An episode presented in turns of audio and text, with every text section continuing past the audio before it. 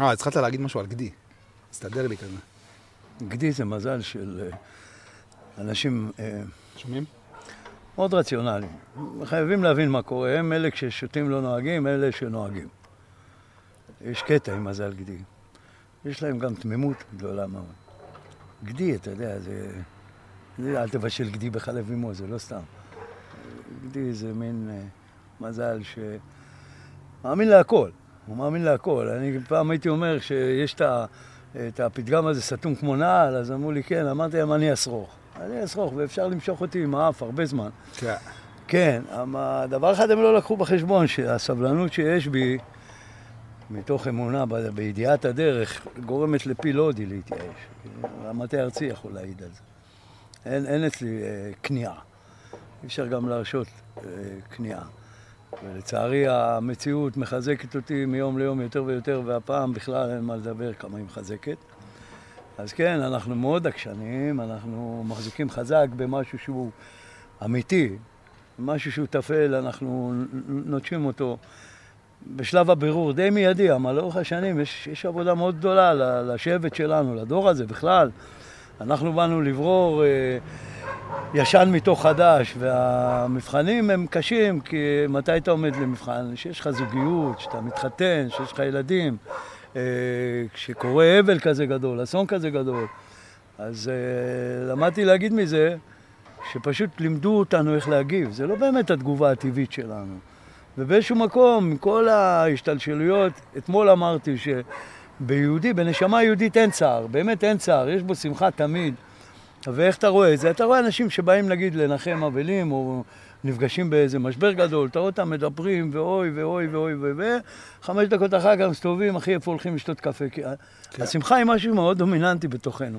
אז אם פחות נתפעל ממה שאמרו לנו, אנחנו נגלה שאנחנו מחויבים לפרוט דרך חדשה, לא רק בתרבות, לא רק בטראנס, לא רק בכל המכלול של הדברים שיש בשבט הזה, שזה בכלל אה, משפה ולבוש ודרך ארץ וערכים ומוזיקה, אנחנו חייבים לפרוט דרך חדשה גם בכל דבר, בכל תחום, באהבה, בתגובה ל... פעם הייתי משתמש כדוגמה בגירושים, ש... 99 אחוז קוראים אה, על, על, על כלום, על סתם, על דברים שכך פשוט אילפו אותנו להגיב. אבל באמת, באמת, אם אתה עושה חשבון נפש פנימי, אז אתה אומר, וואלה, אתה יודע מה, זה לא נורא כל כך, זה לא... שזה לא צריך להחריב את כל העולם. כי המשמעות של גירושים, מי כמוני יודע, היא אה, אסון אטומי, כי אי אפשר לאחוז בזה בכלל. זה אה, אה, מציאות שאין לה זכות קיום, קורא לזה הקדוש ברוך הוא. מגירושים מילדים. והמשמעות של מציאות שאין לה זכות קיום, זה שאתה נתקל בבעיות שאין להן פתרון. זה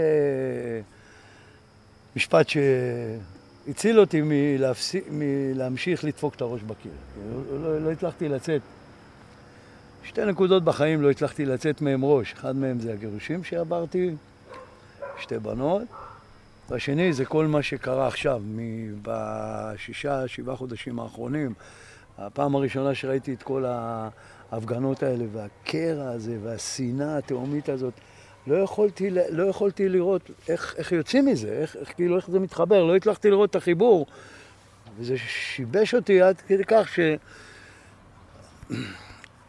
אני לא ישן, אני לא יודע כבר כמה שנים, באמת, אני כן. לא ממש ישן. אז פעם אמרו לי, תן דוגמה, אז אמרתי להם, כמו שאני אומר לכם כפשוטו, יש בי צרעת, היא בוערת, היא פנימית, לא רואים אותה, היא לא חיצונית, אבל היא קיימת, והיא בוערת, והיא אה, לא נותנת לך מנוחה, ו...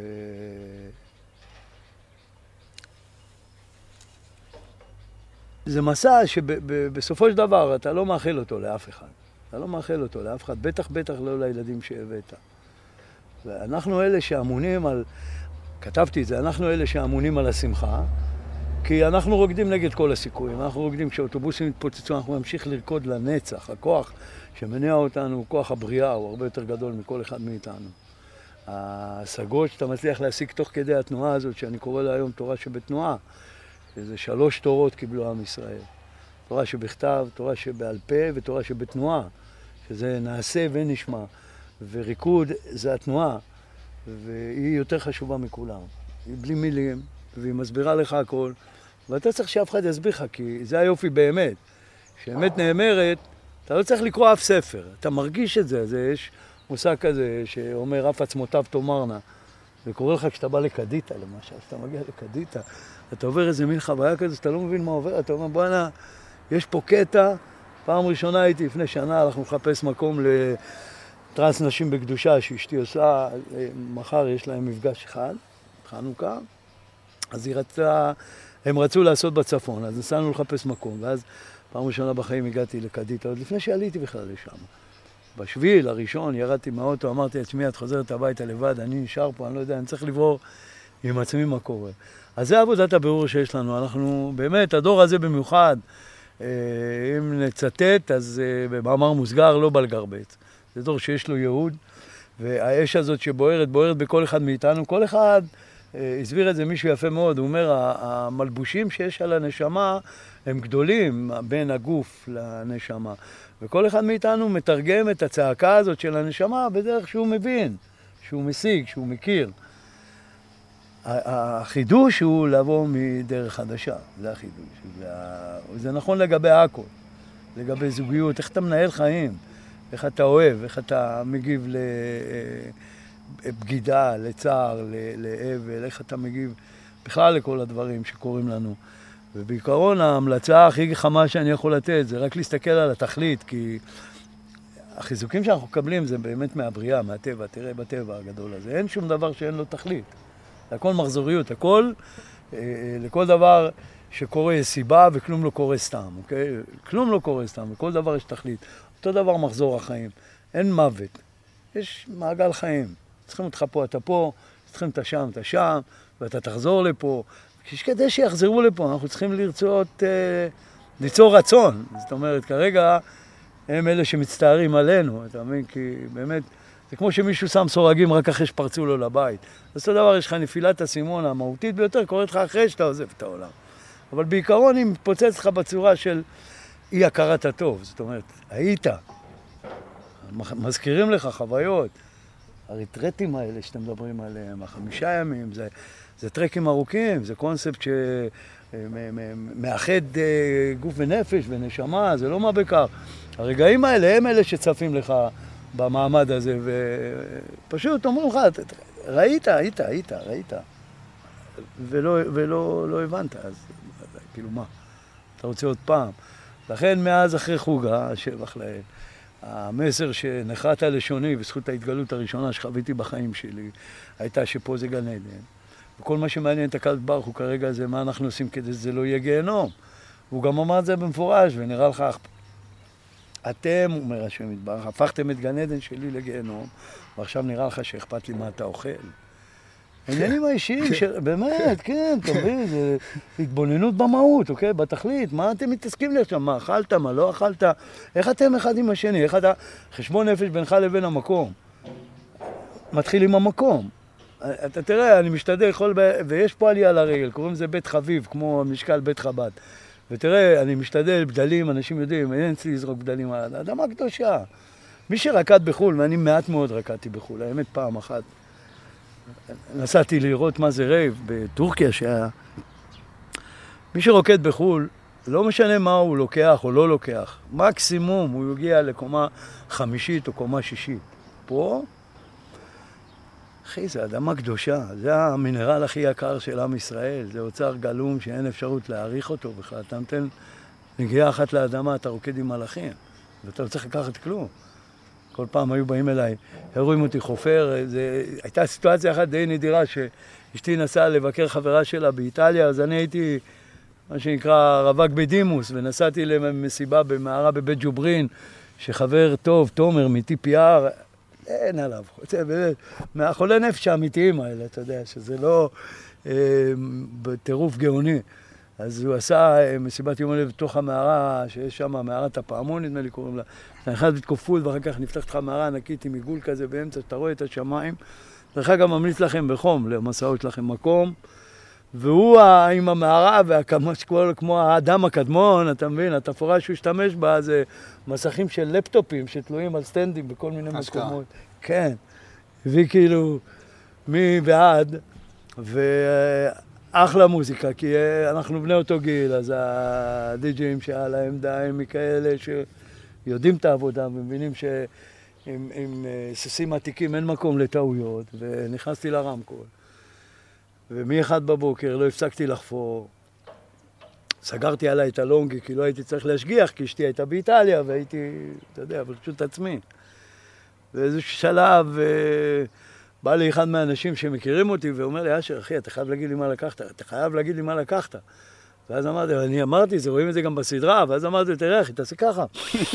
כן, ויש לך עוד אחד, ויש לך עוד אחד, ואז זה, זה, זה סיפורים מהמסיבה הזאת, שאחרי עוד איזה שעתיים בא לי איזה בחור, אומר לי, אשר, אחי, ת, תגיד לי איפה אתה, תגיד לי איפה אתה, איפה אתה.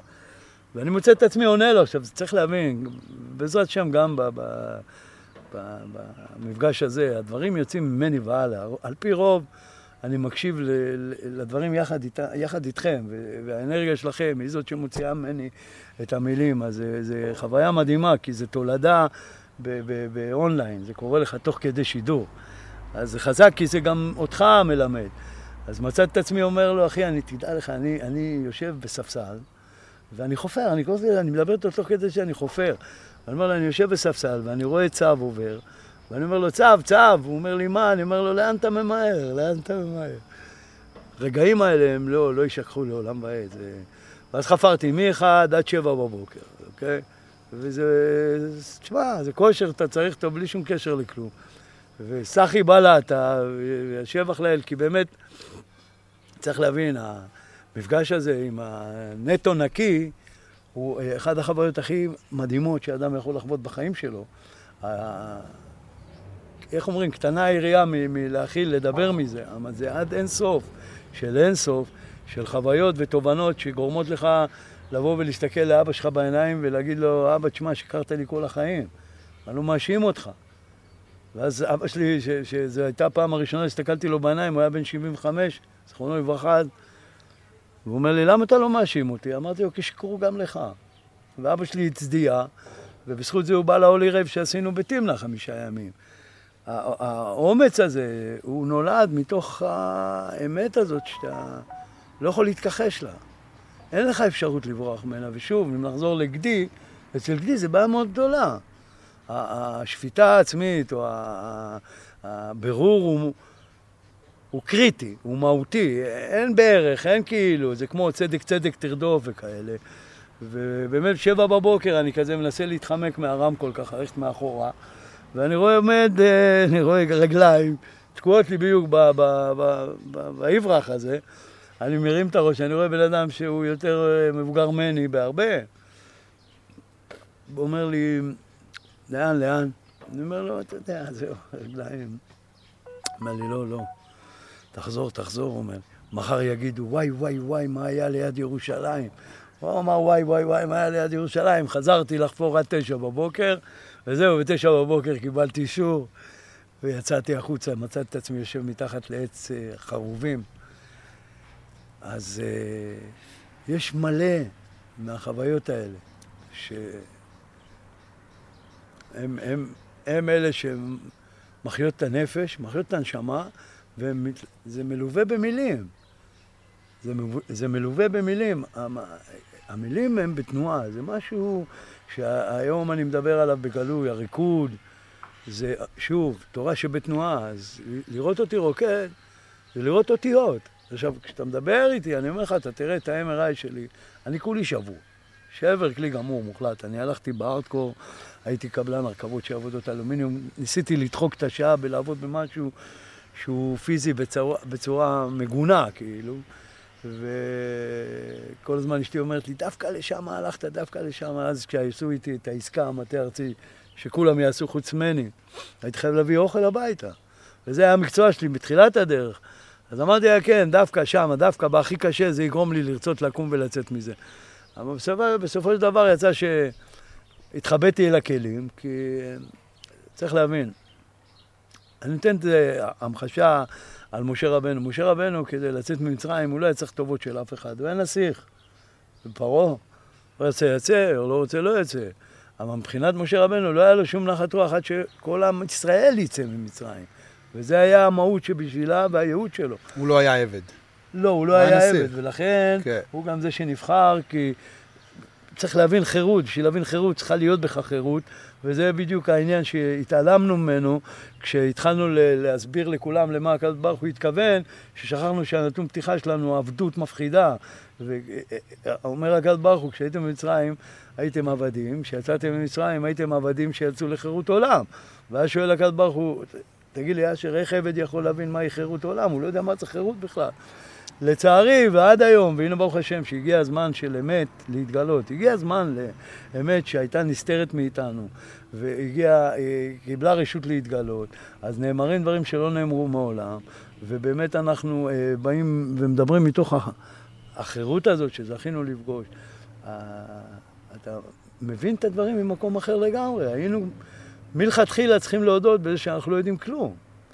היום, אחרי 5,707 שנות ניסיון, אתה יכול כבר להגיע למסקנות ברורות, שאין לנו מושג בשום דבר. וכל אלה שחושבים שאוחזים בדבר או לא אוחזים, לא אוחזים בכלום, הרי בסופו של דבר התוצאה הסופית שלהם היא בית עלמין. וגם ב-70, אם בגבורות 80, זאת אומרת, אם אתה מתאמץ, אתה מגיע ל-80, אבל הם שכחו את הנתון העיקרי, שזה 80 מתוך אלף. כתוב אלף שנים בעיניך. נתן לנו הקדוש ברוך הוא מחסנית של אלף שנה כשבאנו לפה. ואז כתוב בתהילים, במזמור שמתחיל תפילה למשה איש האלוקים, הוא מופיע בתיקון הכללי של רבנו הקדוש, רבי נחמן, כתוב אלף שנים בעיניך כיום אתמול כי יעבור, למה הדבר דומה? למיליארדר שנותן לך מיליון דולר. מה זה בשבילו מיליון? הוא לא רואה את זה בעובר ושב. ואז כתוב כילינו שנינו כמו הגה. חיסלנו את השנים שנתת לנו, כמו המהירות שאתה מוציא הגה מהפה. ואז הוא נותן לך גם את התוצאה, 70 אם בגבורות 80. בן אדם, איפה עוד 920 שנה? חיסלת אותם. למה חיסלת אותם? כתוב, כי פנינו בעברתך. עוד מעט פסח מגיע, אנחנו נפגוש שלוש מילים שהן עברה, זעם וחרון. אנחנו אומרים אותם רק בפסח.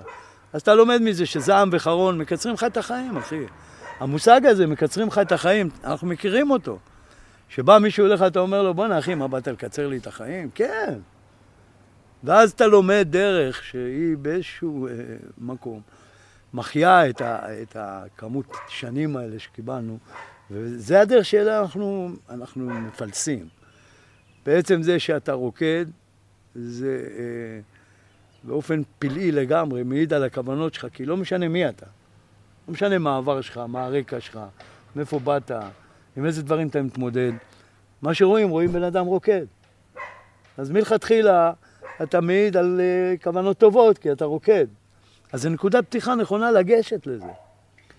אני יודע שבלי זה אי אפשר לגשת לזה, כי הריקוד הוא הקליפה, הגשר הזה, שאומר רבנו מוכרחים להיות בשמחה תמיד. מסתבר שלהיות בשמחה זה אחד הדברים הכי קשים בעולם. אוקיי, מבינים את זה. אז זכינו לקבל את הריקוד, שהוא הגשר בין העצבות הזאת והמרמרה וכל התרגום הלא נכון של כל מה שקורה סביבנו לבין השמחה. זה הריקוד, הריקוד, ברגע שאתה מתחיל ואתה נכנס לתוך המנטרה הזאת, וזה נמשך יותר משעה, שעתיים, שלוש שעות, אתה נהפך להיות כלי קיבול אחר, כי זה לא יכול להיות שאתה רוקד, אוקיי? זה שילוב מדהים ונצחי, ובין הבודדים שיש בין גוף לנשמה. בדרך כלל בין גוף לנשמה יש תמיד ויכוחים. גוף רוצה לאכול הרבה, נשמה מעט, גוף רוצה לישון הרבה, נשמה מעט. ריקוד הם שלמים, הם, הם לא רק שהם שלמים, הם משלימים זה את זה, וזה פלא, כי הם, הם, ההנאה היא כל כך גדולה, שזכיתי לקבל את זה פה, בחפירה שעשיתי כאן ב, בראש חודש אב, שנפל ביום חמישי, אז לא היה בו דיני אבלות, כל יום עם הדיני אבלות האלה שיגעו אותי. אז, אז יצא לי לאחוז בהשגה הזאת שהגוף והנפש משלימים זה את זה בריקוד, ואין ביניהם ויכוח, ואז שהבנתי זה, התחלתי לחפש את הקצוות של הגוף.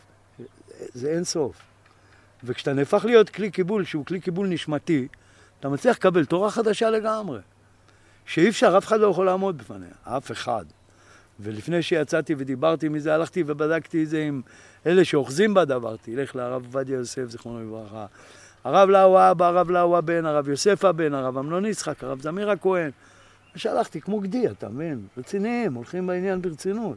לא מתקילים, עזוב שבאיזשהו מקום, בשם חלי הזה, התחלתי לעטוף את הדברים בסוג של ליצנות מסוימת, כדי שאנשים שמולי לא יקבלו לי אירוע מוחי, אתה מבין? שלא יבהלו, שזה יהיה לא מים שנשפכים על בטון, אלא על קרקע פורייה. הליצנות הזאת זו סכנה מאוד גדולה. ובאמת למדתי להגיד גם, ל, ל, גם ללומדי תורה שאני אני מתנגח בכולם. כי אני טוען בשם הקדוש ברוך הוא טענה שאף אחד לא עמד מולה, אף אחד לא כופף אותה, ואני מוכן לבוא בתנאי.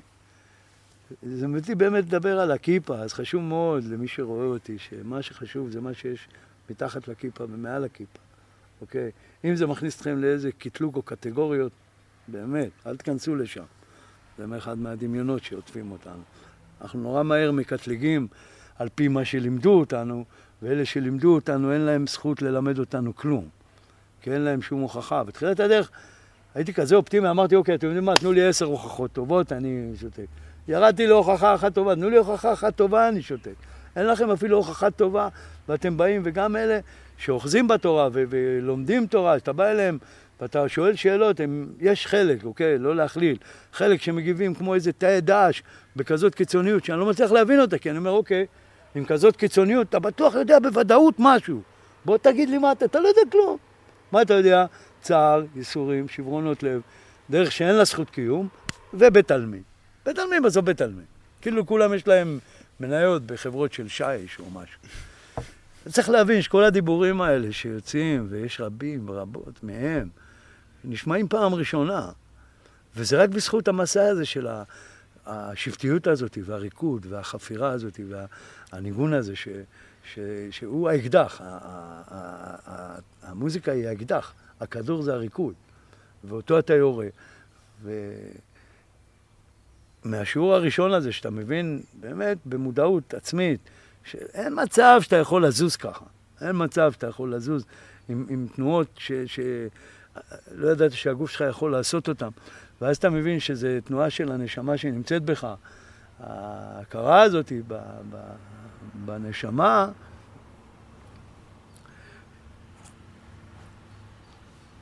וואו. היא זאתי שעושה את זה. אה, שומעים את זה טוב? כן. היא, זאתי שמכניסה אותך לתוך טרק של עבודה, כמו שאמר קוסמה, זיכרונו לברכה, to work, ממש אבל to work, זה באמת, אמרתי, אכלתי אה, סלעים מבזלת וחרבנתי זיף זיף עם דם. במסע הזה להתבטל לנשמה הזאת שגיליתי, שנמצאת בי, שהיא רוקדת מדהים. אתה תראה אותי רוקדת, זו חוויה. באמת זו חוויה. ובעיניי היא חוויה עצומה, כי אני יודע מי אני. אף אחד לא יודע יותר טוב ממני מי אני. ומבחינתי לראות את זה, זה כל פעם, הייתי אומר שזה זה החיזוקים שאני צריך, כי אתה צריך להמשיך להתנהל בתוך העולם הזה, וזה קשה מאוד, לגדי במיוחד, ובכלל לאנשים שמגיעים מתוך האמת החדשה הזאת, שהיא הכל טוב ורק טוב, ואין זכות קיום לרע, עד כדי כך שאמרתי על החבר'ה, ש, שניסיתי להסביר לאנשים, המפגש הזה שקרה לחבר'ה בנובה בשש וחצי, שש בזריחה, אמרתי להם, מדובר בקהל שגם אם תכוון אליו תת מקלע ותירה אליו כדורים, הוא יחייך אליך, כי הוא לא יכול להכיל קיום של רוע כזה, הוא, הוא לא יכול להבין, אין, אין לנו מקום. אנחנו לאורך כל השנים נלחמנו כמו חיות קודש, שרק טוב נכנס לתוך המסיבות. רק טוב נכנס לתוך המקום הזה, רק טוב, ותאמינו לי שנתקלנו בדברים לא פשוטים בכלל. עד כדי כך שפעמיים יצא מהפה שלי משפט מול סיטואציות כאלה ואחרות, שאמרתי לאנשים, תקשיבו טוב, ככה, ככה, בצורה הזאת אתם תיכנסו למקום הזה רק דרך הדם שלי. וזה משפט שאתם לימדתם אותי. רק דרך הדם שלי. אז מה צריך לעשות? תשלם כניסה. כמה כניסה? 50 שקל. בוא, בוא, תשלמו, תשלמו, תשלמו. ואז, בוא, בוא, אחי, בוא, בוא, בוא לבר, בוא, אני בא איתו לבר. תביא לי שתי קרטונים מים מינרליים, כמה זה עולה? כך, חלק פה לכל הקהל. טוב, חוק הטוב להיטיב. טוב מביא טוב. אנשים לא מאמינים שטוב יכול לקרות. ברמה מאוד קשה. אנשים לא מאחלים לעצמם טוב ברמה שטוב יכול להתגלות להם. וכשזה קורה, במיוחד האנשים שהם קשי יום ושרוטים ובאמת עברו, שכל אחד עבר מה שהוא עבר, להם במיוחד קשה לה. הם לא, אין, אין בתוכם מקום לאכזבה הכי קטנה בעולם. בגלל זה מי שמפיק מסיבת רען, צריך להבין שזה שקול להוציא ספר תורה מהיכל הקודש. זה לא דומה לשום תרבות, שום סצנה, שום... אפילו המילה, השימוש במילה מסיבה הוא לא נכון, כי זה ישר מעביר את זה לכל מיני קטגוריות כאלה. אין הדבר דומה לשום דבר. החשיבות והדרמטיות והקודש קודשים שאתה צריך להתנהל בתוך המקום הזה, ויתרה מזאת, גם המקום שאתה מגיע ממנו, עם איזה אינטרסים, הכל יתבטא לך בפנים, ואין מקום לטעויות. כמובן סאונד נדיר ופצצתי, וכן ירבו רמקולים בישראל, אז כן, חשוב מאוד. אתה יודע, יש... אה, יש... אה, באחת הכנסיות, אני לא זוכר איפה, באירופה, ציור מהמאה ה-13 על הגג של הכנסייה, שבציור אתה רואה את uh, שער כניסה לגן עדן. וליד השער אתה, יש שני שומרים, שהם נקראים כרובים, ש, שהם מחזיקים חרבות עם אש, ליד שער כניסה לגן עדן. וממה שאני מבין את, ה, את הציור, כל הנרטיב של הכל יושב בתוך הציור הזה, של העם היהודי, של כולם. אתה רוצה להיכנס לגן עדן? אתה מוזמן, הנה השער, בבקשה. אבל אין כניסה לגן עדן לאף חלק בך שהוא לא אהבה טהורה ואמת טהורה. אז כדי להיכנס, אתה תהיה חייב לעבור עמוק בתוך הגיהנום, והחרבות עם האש, זה הסמל של הגיהנום, והם יחתכו ממך ויורידו ממך את כל מה שהוא לא אמת טהורה. זיכוך, זיכוך, ימלא על הזיכוכים האלה. בסדר, אנחנו עכשיו, אה, מבחינתנו, זהו, באמת, זהו, סבלנו בלי די ודי ועדי, ואין שום צורך להנחיל את זה הלאה, הבנו. הרע אה, גילה פנים, עכשיו בכלל היסטרי, שנפלו התאומים, בדיוק ישבתי ב... ב אה, ישבנו בדירה בתל אביב וניסו שני חבר'ה להחליט אם לעשות פסטיבל בניצנים כי זו הפקה יקרה והם נורא פחדו אז הם קראו לי כדי לשאול את התחושות בטן שלי. ואז אמרתי להם, אוקיי, על כמה הצפי שלכם? אמרו לי, אנחנו רוצים, וזה, 4-5 אלף איש, אנחנו מסודרים. אמרתי להם, צאו ותצליחו, אני אומר לכם פי שתיים. אני, אני כל הזמן הרגשתי את השבט, גם בתנות של פלטרן, שלקחתי ב-98 את כיכר רבין, הרגשתי את השבט בבטן, הרגשתי אותו בקרביים. ולכן לא פחדתי אפילו שמדדתי את הכיכר וגיליתי שהיא 20 אלף מטר מרובע וכולם היו, כמעט כולם היו נגדי על הביזיון ומה יהיה ובושות, אולי יהיה אלף איש ואני מרגיש ואני מרגיש ואז הירח בא וחיזק אותי יום לפני ולכן אמרתי הירח בא אנחנו לא נבוא ואז באותו דיאלוג שאנחנו מדברים אז נפלו התאומים הראשון ואז ראינו את השני בלייב ותמיד יש בסיטואציות מאוד קריטיות שקורות בעולם, אני מקבל טלפונים מאנשים שאני בדרך כלל לא מכיר, וזה טלפונים כאלה, נו, מה אתה אומר?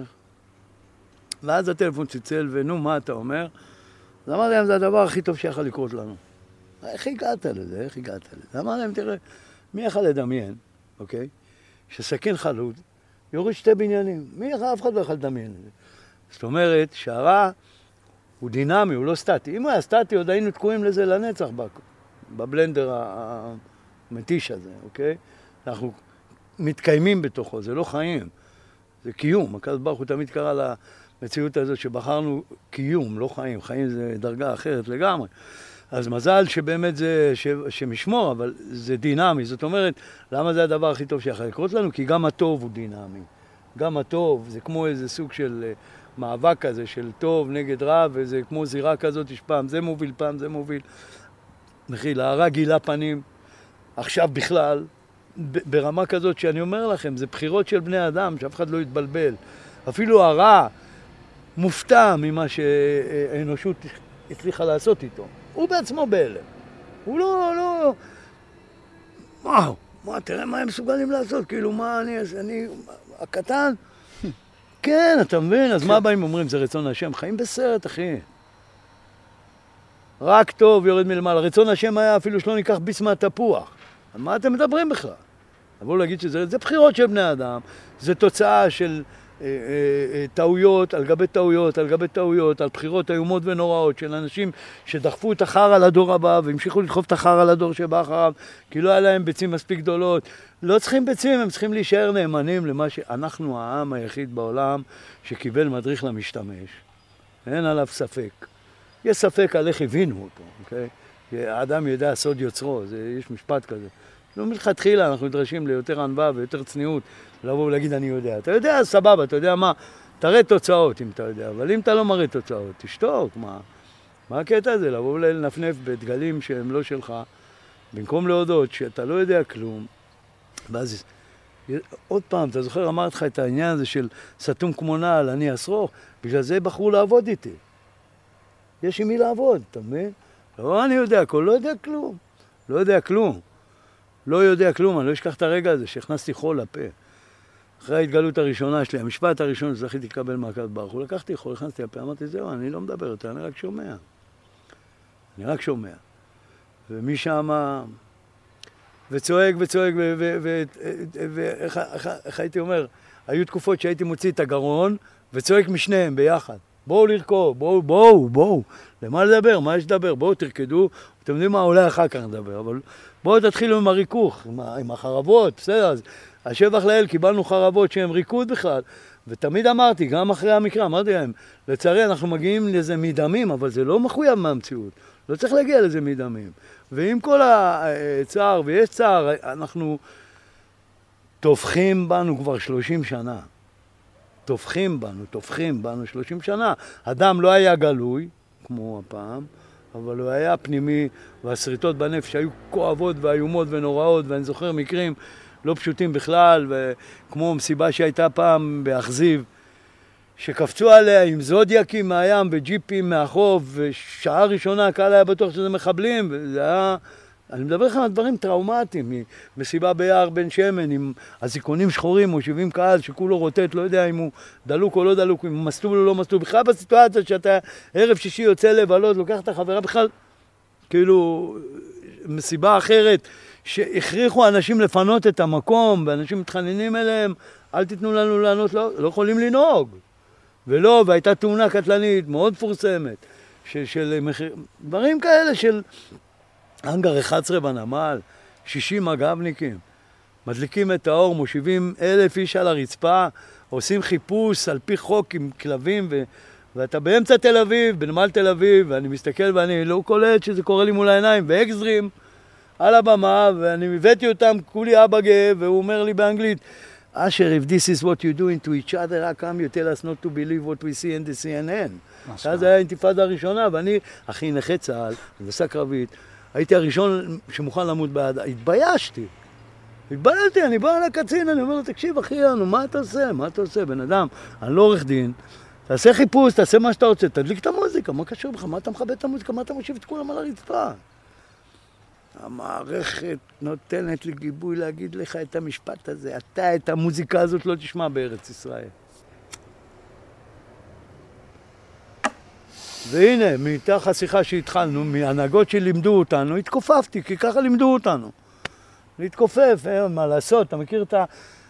הסיטרה, הצד האפל שירח, כשהוא הולך לפגישות עם הקהל הוא בא לו עם פלריק גדול, אין מה לעשות, כתוב עליו, אומר להם, תראי איך השחלתי אותם. ואיפה אכלתי את הסריטה הזאת? אימא של אחד החיילים לפני מלחמת לבנון השנייה, שבאו ודיברו איתה, ראיינו אותה זה שהבן שלה נהרג, בן 18 וחצי, ואני שומע אותה אומרת, אין מה לעשות, ביטחון שם. אני אומר להם, מה זה אין מה לעשות? אין מה לעשות. שני מפקדי מרחב, או מפקד מרחב, מפקד, מפקד מחוז אחד, פגשו אותי, עומד מולם ואומר להם, תקשיבו טוב, תקשיבו, אחרי שהם אמרו לי אין מה לעשות, אמרתי להם, הנה, אתם פעם ראשונה בחיים שלכם פוגשים אדם שאיך שאומרים לו אין מה לעשות, הוא מתחיל לעשות. וזהו, זה דברים שאין להם זכות קיום. זה עטיפות כאלה, כמו, קוראים למושג הזה מתעטף במצוות. אתה מבין? זה כאילו אין מה לעשות, מה זה אין מה לעשות, אחי? תמיד יש מה לעשות, תמיד, וחייב וצריך לעשות. לזה נברא העולם, בקידוש של ערב שבת יש אשר ברא אלוקים לעשות. Mm. אומר הרבי מלובביץ', כל התכלית שלך זה עשייה, שזה נבראת. עכשיו, שיבוא מישהו יגיד לך מה נכון ומה לא נכון, ביום הזה, בדור הזה, למי יש זכות לבוא ולהגיד מה נכון ומה לא נכון? כל עוד שזה לא עושה רע, שתוק, תן לזה, תן לזה לקרות, בוא נראה לאן זה הולך, בוא נראה. אחי, אני לוחץ על הרב של הכותל. שבע שנים. אני רוצה את הרחבה של הכותל, לקיים טקס תפילה מתוך ריקוד, בלי מילים, כשרה למהדרין בחומרה על ידי מנגנים יהודים כשרים, כמו MFG, Astral Projection, אבי, ליאור, גיא, אהרון, ולא חסר השבח לאל, ואבי מ Astrix ו Rising Dust, ואין עוד מלבד. יחידי סגולה, אחי, שמשדרים תורה, אתה צריך לחבר את העניין הזה לכולם, צריך להבין. אנחנו לא באיזה בועה שלא קשורה לכלום, כלום לא קורה סתם, ולכל דבר יש תכלית, לכל דבר יש מהות. כל תנועה של אדם יש לה איזה אפקט הפרפר קוראים לזה. לכל תנועה יש השלכות. זה שאתה יוצא לבלות, עטפו אותנו בשריטות שכל, שכל כך היה קשה לקלף אותם בתחילת הדרך, שבאמת תנו צ'אנס לטראנס עשה את הקילוף הגדול הראשון, שסובבנו את דעת הציבור הרווחת, מזה שהיא הייתה מוחאת כפיים למשטרות שכתבו ביום ראשון בבוקר שמסיבת אסי התפוצצה על ידי משטרת ישראל, והם היו בטוחים שקושרים גומיות שם ומזריקים, ואחרי שראו את ה-80 אלף והשבח לאל יודע כמה בכיכר מלכי ישראל, הבינו שאין פה לא גומיות ולא מזריקים, ואפילו זקנות עם מקל. איך אמר ברונו שטיין, שהיה מפקד... אה, מרחב ירקון בזמנו, אה, שעשה איתנו את העצרת. הוא אומר, אשר, תקשיב טוב, זה שאני ראיתי בעיניים שלי זקנה בת 90 עם מקל רוקדת, שמישהו יעז ויבוא ויגיד לי סמים, אני רוצה לראות ש... אז הוא הגדיר את עצמו, אני חבר לאמונה משותפת. שזה, אחי, קילופים מאוד קשים, שהם עלו ביוקר. הם עלו ביוקר, כי ביום הראשון שאני עליתי למטה הארצי, וכל מה שביקשתי משר המשטרה שאז קהלני, אתה מבין? גיבור ישראל, בן אדם, מה אני מבקש ממך? בוא תצא בהצהרה שאין קשר בין מוזיקה לסמים. זה כל מה שאני מבקש ממך, בשביל שדור הבא שיגדל, לא יגדל לתוך זה שאם רוצה לשמוע טראנס הוא חייב לקחת סמים, ואם רוצים סמים, אז בואו כל הסוחרים, צאו מטייבה ומאללה היסטור ותבואו למסיבת סמים, כולם באים ואנחנו לא... תפסיק! תפסיק עם השטיפת מוח הזאת. ונתקלתי בשני יועצים שעמדו בדלת, לא נתנו לי להיכנס לך, שני תתי ניצבים. אתה מבין? שאומרים לי, תשמע, לשר יש המון יועצים מההורים והמומחים שטוענים, והוא לא יכול... אמרתי, מה הוא לא יכול? אז אמרתי להם, חרא עליכם, גם כשמדובר בלטטות בנים ובנות של כל אחד מאיתנו מתחת לשטיח, אתם לא כאילו מתכוננים לעצור, כאילו אתם ממשיכים לטטות אותם מתחת לשטיח. אמרתי להם, אם במקום שתעבדו איתנו, תעבדו איתי, תעבדו, אנחנו נראה לכם את הדרך. אתם באים ומתכחשים בכלל למסר כל כך קטן, בסיסי ואלמנטרי, שאפשר להתחיל להבריא איתו את העניין. במקום זה, זה מה שאני מקבל מכם. מאותו יום שעליתי למטה הארצי, לא הפסיקו לפוצץ את כל המסיבות שעשיתי. והיינו חיים על עגלות, על גנרטורים, היינו זזים מפה לשם, מכאן, כל הכל היה נייד, התנועה, זה מסיבה בתנועה הייתה. עד שבשלב מסוים השם האיר לי על איזה קונספט, לקחתי טריילר של משאית, שמתי עליו את הכל, וככה עשיתי מסיבות בפארק השרון, 4,000 איש, 5,000 איש, אחר כך 10,000 איש, ואז כאילו לא לקחתי כסף. היה לי שתי אינטרסים, אחד להוריד את המחירים של הכניסה, שהתחילו להעלות אותם, היום בכלל זה אה, גלש לממדי הייטק, אין לי מושג אפילו איך לקרוא לזה, אז כדי לשבור את זה הייתי עושה מסיבות חינם. והייתי מאזן את המחירים בחזרה. והשני היה הפרצה של רישיון עסק. ברגע שלא גביתי כסף, אז לא הייתי צריך לנהל רישיון עסק, ואז אי אפשר היה לתקוף אותי, כי אף פעם לא עברתי על החוק. עד היום, אף פעם לא עברתי על החוק. אתה מבין, גדיים הם אזרחים שומרי חוק, ידע לך. זה תהליך קשה, התהליך של התיקון הזה, אה? כן. חייב להיות קשה. מה, אתה עושה את מה שאתה צריך לעשות, היו צריכים לעשות לפניך. אתה עושה את מה שהיו צריכים לעשות לפניך. אמר, כבודם במקומם מונר. לכן בתורה יש, בתפילה יש מושג שנקרא אל, אל תאמר בנייך אלא בונייך. כל מה שקרה עד היום היה צריך לקרות כדי שאנחנו נוכל לעמוד על הקרקע בגובה הזה, כדי להמשיך מהגובה הזה. התהליך הוא קשה, למה? כי אה, להבדיל אלף אלפי הבדלות, לאברהם אבינו היה עניין של לעשות בירור בין עבודה זרה לעבודת השם. עבודה זרה זה פסלים, זה וודו וכאלה גלויים לגמרי. ואפשר להגיד, למרות שזה אז היה רק, אחד היה אברהם, אז אי אפשר להבין כמה זה היה קשה, אבל זה לא שונה, מחילה על האבל, זה לא שונה מהיום, כי אה, מבחינתנו העבודה שלנו היא לברור בין עבודת השם לעבודת השם לשמה. אז הקרב הוא קשה, למה? כי הם בטוחים שהם עובדים את השם. אבל אחי, ברגע שאתה רוקד, יש לך נקודה של טוב שאתה זוכה לפגוש בה. וככל שאתה רוקד יותר, אתה מגיע לאושר הזה ש... באמת, אה, זה, זה יהיה טעות לנסות להסביר ממנו במילים. ההכרה בעושר הזה הופכת אותך לחייל הכי חזק בעולם, כי אתה יודע על מה שווה להיאבק פה, על מה שווה להילחם, אז זה עושה את, ה, את הקרב פחות אה, מר. קשה הוא קשה. קשה הוא קשה.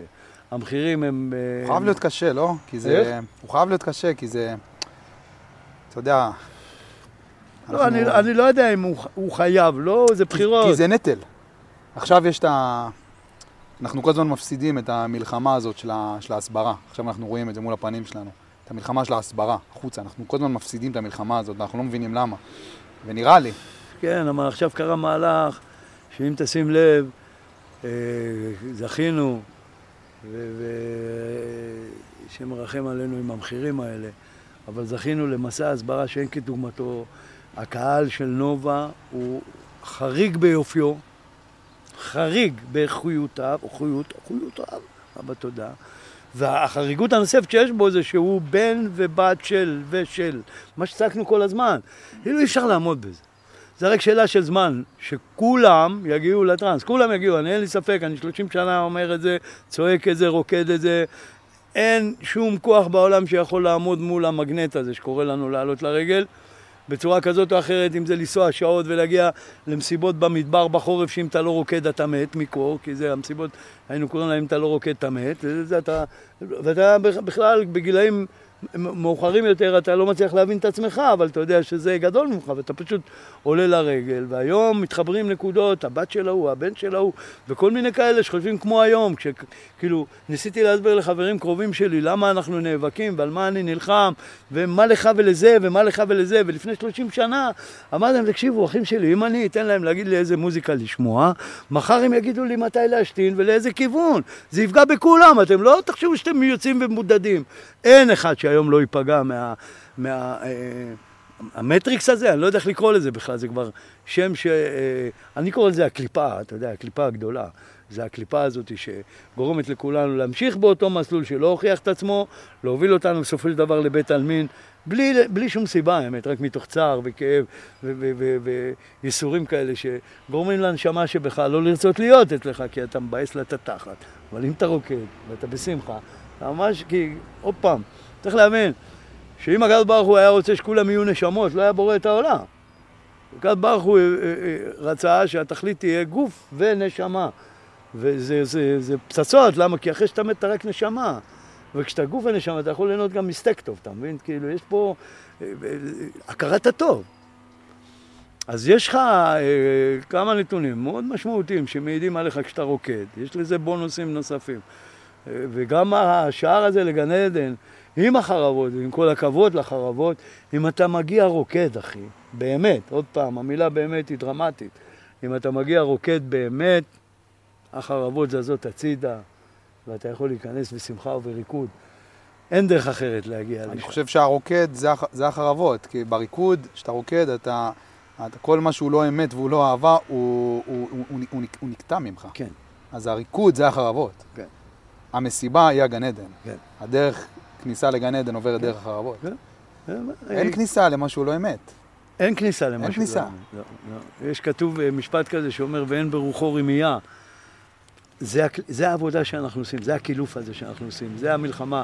הקליפה הזאת, אנחנו יותר ויותר מודעים לה, יש כל מיני הגדרות אליה, כל אחד קורא לה בשם אחר, יש כאלה קוראים לזה מניעות, אנחנו בסופו של דבר יודעים על קיומה, שזה מדהים, כי זה גם כן מסוג הגילויים שלא היו מעולם, אף אחד לא בכלל חשב שיש איזה מין משהו שלא רואים אותו, שעובד עלינו בעיניים, והיופי הוא שבאמת רק לפני כמה חודשים אה, בהתבודדות של עליית נשמה, אני קורא לזה, היו מקרים בודדים שעשיתי את זה, הצלחתי להבין למה אנחנו לא רואים אותה.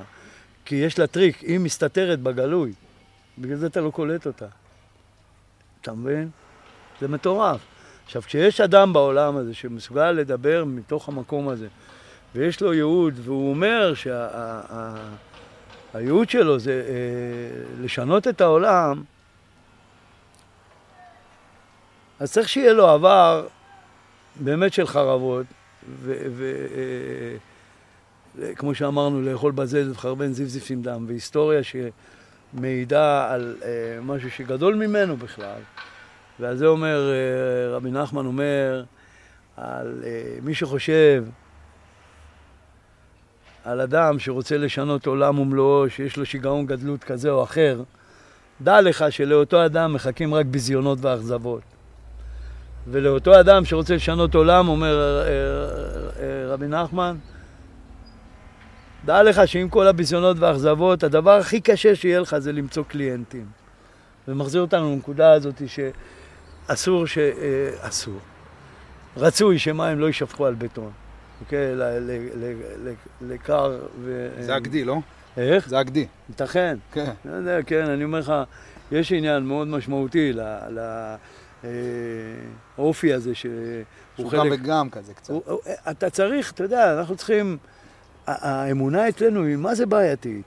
אנחנו, גם אם נראה בעיניים, זה עדיין, יש לנו כאילו, אנחנו ממש בעייתיים.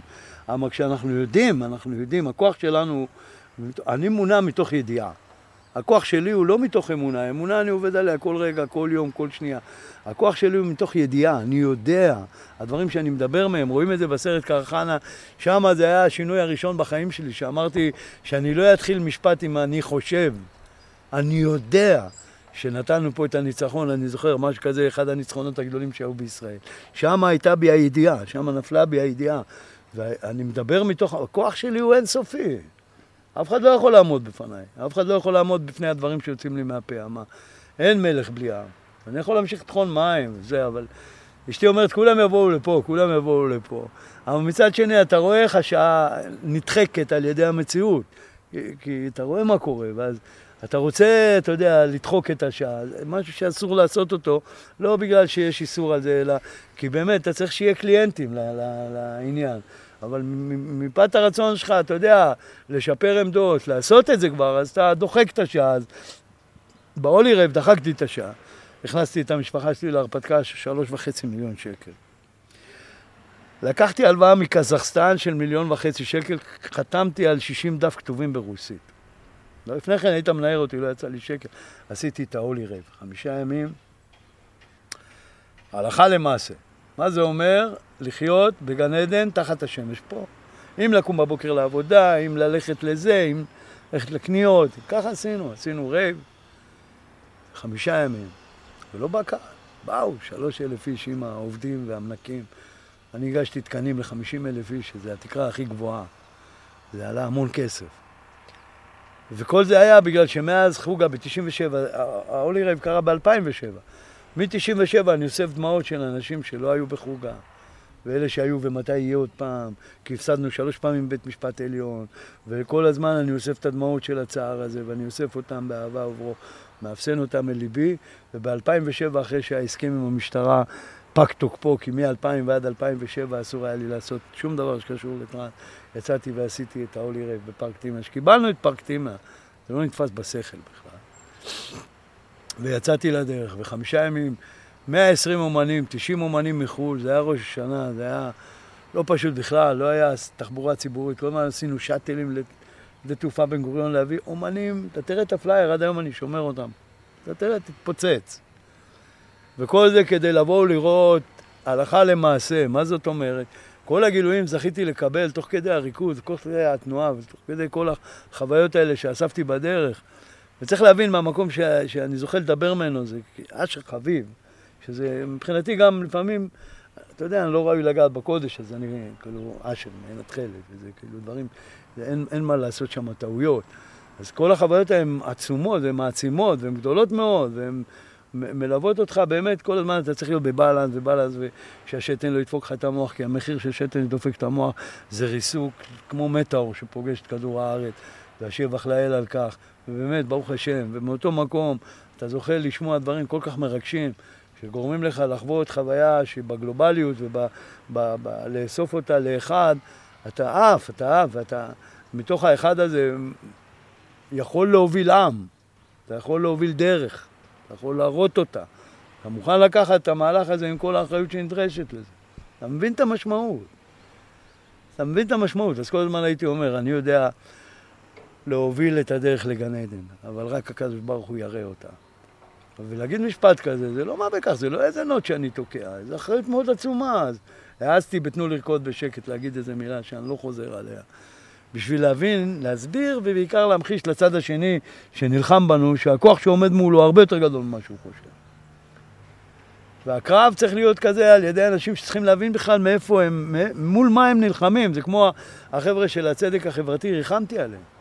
בשלב מסוים הלכתי לכיכר המדינה, אמרתי, יאללה, אני אחזק אותם, אני אבוא, אני אדבר, בשביל לעזור להם, כי אין להם מושג נגד איזה חושך הם נלחמים. אין להם מושג.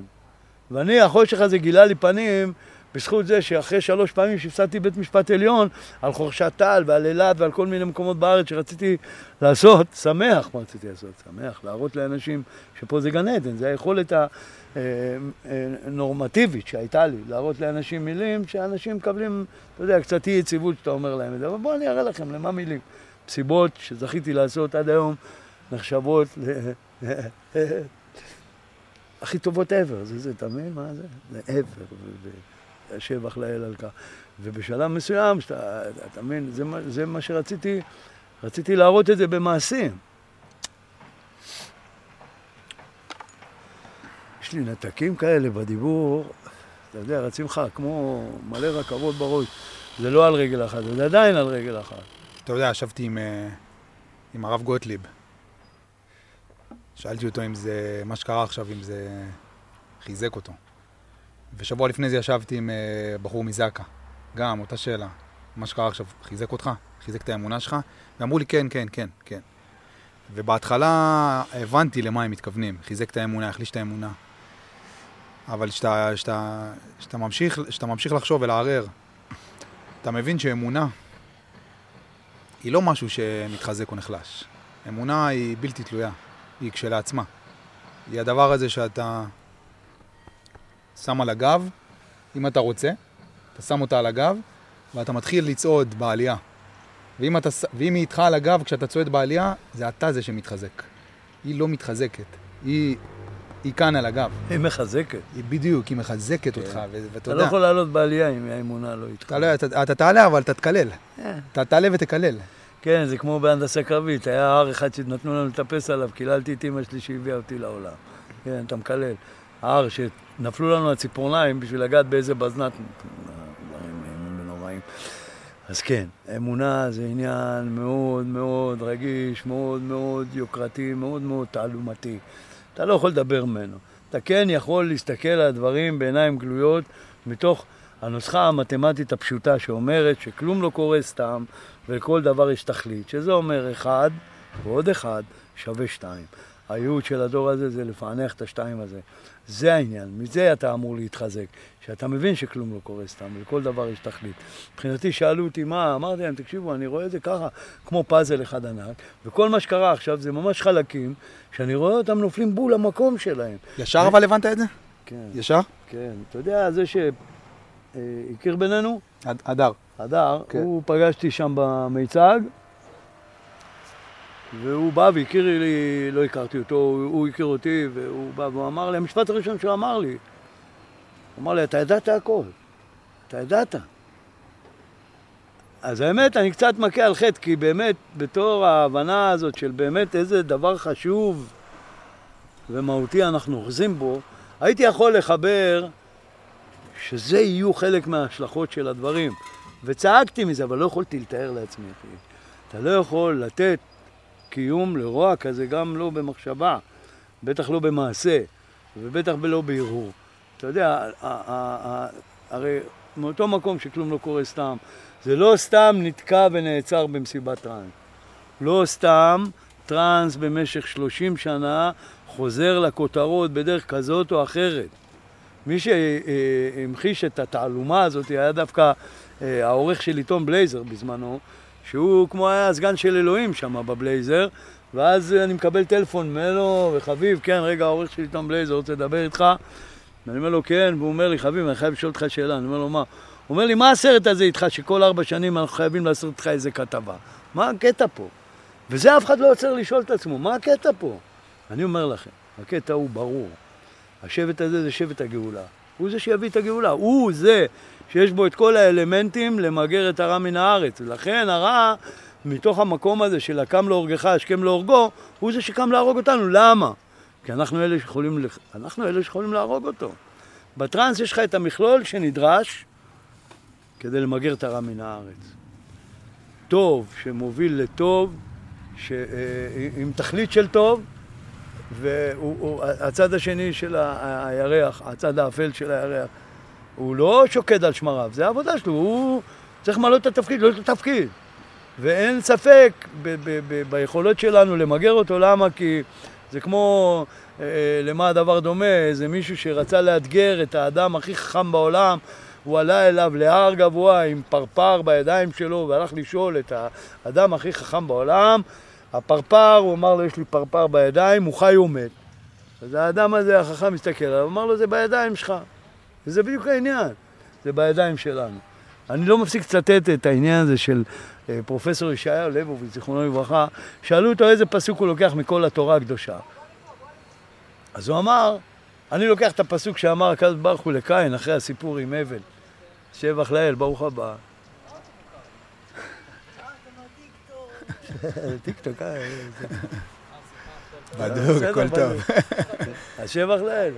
עם חיוך כזה אף פעם את מבקש סליחה, ברוך הבא. יפה לכם, אבא תודה. קין והבל. כן, אז הוא אמר, הקדוש ברוך הוא אמר לקין, אחרי שקין ניסה לצאת מהסיפור של מה שהוא עשה, הוא אמר לו, הקדוש ברוך הוא, לפתע חטאת רובץ והוא ימשול בך, זה הפסוק שלקח פרופסור ישעיהו ליבוביץ', שזה אומר מה? אומר הקדוש ברוך הוא לקין, אני יודע שהחטא רובץ בפתח, אבל הוא לא יכול להיכנס אלא אם תפתח לו את הדלת. ואתה רוצה להגיד לי שהוא שולט בך? הרי הוא לא יכול לפתוח את הדלת. זה העניין. רע קיים רק בזכות בחירות של בני אדם. אין לו קיום בפני עצמו. טוב תמיד יורד מלמעלה, תמיד יורד טוב מלמעלה, כמו טוב הזה שאנחנו עכשיו יושבים בו, אם זה גשם, אם זה טל, אם זה אוויר, אם זה בריזה, אם זה שמש, אם זה חיים, אם זה הכל טוב, כל הזמן יורד מלמעלה. רע יכול להתקיים רק בגלל בחירות של בני אדם. עכשיו, ויותר מתמיד, בטח בטח כרגע בתוכנו, נלך כרגע ממה שקורה בתוך עם ישראל, אנחנו חייבים להפסיק לעשות רע אחד לשני, כי יש מלא סביבנו שרוצים לעשות לנו את זה בלי הטובות שלנו. כולל, אין בכלל יכולת לקיים יותר את המושג לפוצץ מסיבה, זה לא נתפס יותר, אוקיי? לא קיים יותר כזה מונח. לא. לא קיים. לא קיים יותר מונח לא כזה. יכול להיות. לא רק זה, לא קיים עוד הרבה מונחים שהם יצטרכו להתחיל להפנים, שזה להפסיק לתת לנו תכתיבים איך לקיים את המסיבות, יפסיקו לתת לנו תקנים וגדרות, ואלוהים ישמור איזה אסונות קורים רק מהכוונות הטובות שלהם. אנחנו יודעים את הדרך, אנחנו יודעים את העבודה, הוכחנו את זה יותר מפעם אחת. 15 אלף איש בגני חוגה, שלושה ימים. מי ועד, מפקד משטרת בית שאן, אנחנו אחרי אסון ערד, עלה איתי למטה הארצי, ואחרי שהוא שאל אותי, הוא אומר לי, תקשיב, אני חייב לשאול אותך שאלה, אני אומר לו, מה? דורון כהן. הוא אומר לי, אשר, שלושה ימים ראיתי שנקינאים צפונבונים, ראיתי ערסים כבדים, ראיתי אנשים ששירות בתי הסוהר התקשרו אליי, אמרו לי, אל תדאג, הם לא ברחו מהכלא, אם לא היו נותנים ללכת לפסטיבל הזה, אין כלא, וראיתי צפונבונים, בונבונים, ואני אומר לי, עם 30 שוטר בית שאנים, לא רוצה להרחיב, 15 אלף איש, שלושה ימים, ואני לא רושם הפרת סדר אחת, הוא אומר לי, אחת? אחת, הוא אומר לי, עשית שוק אומנים, הוא, אומר, הוא מספר לי, ואני עושה סיורים וזה, ואז הוא אומר, איזה, איזה 30 מטר מהשוק אומנים, אני רואה פאוץ' על הדשא. ואז אמרתי, הוא מספר לי, הוא אומר לי, אני, זהו, אני הולך לתפוס את הקליינט הראשון שלי, והוא אומר לי, אני מתיישב על ספסל, איזה 20, אני יודע, 30 מטר מהפאוץ', אנשים הולכים חוזרים עוברת שעה, אנשים הולכים חוזרים עוברות שעתיים, אחרי שעתיים מישהו עובר, רואה את הפאוץ', מתכופף, מרים את הפאוץ', תולה אותו על הענף וממשיך ללכת.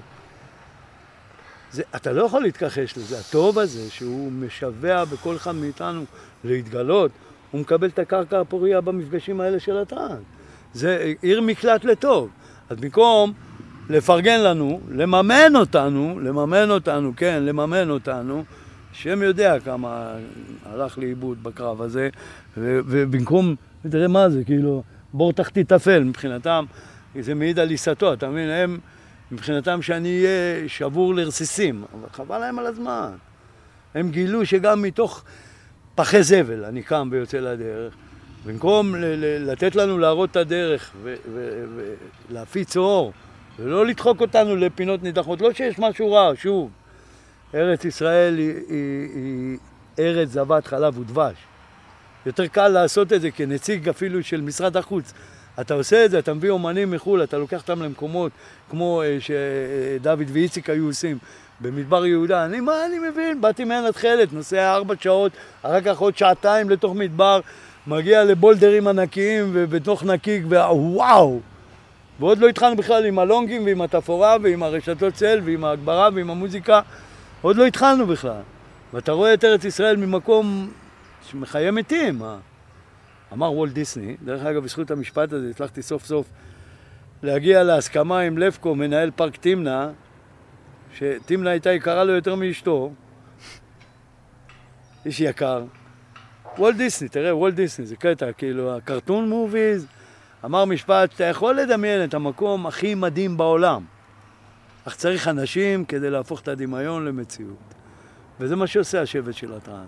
הוא מגיע למקומות, עושה עיסוי לאדמה, מחיה בהם, נותן בהם חיות, משחרר מידע למעלה ששווה להחזיק את כדור הארץ.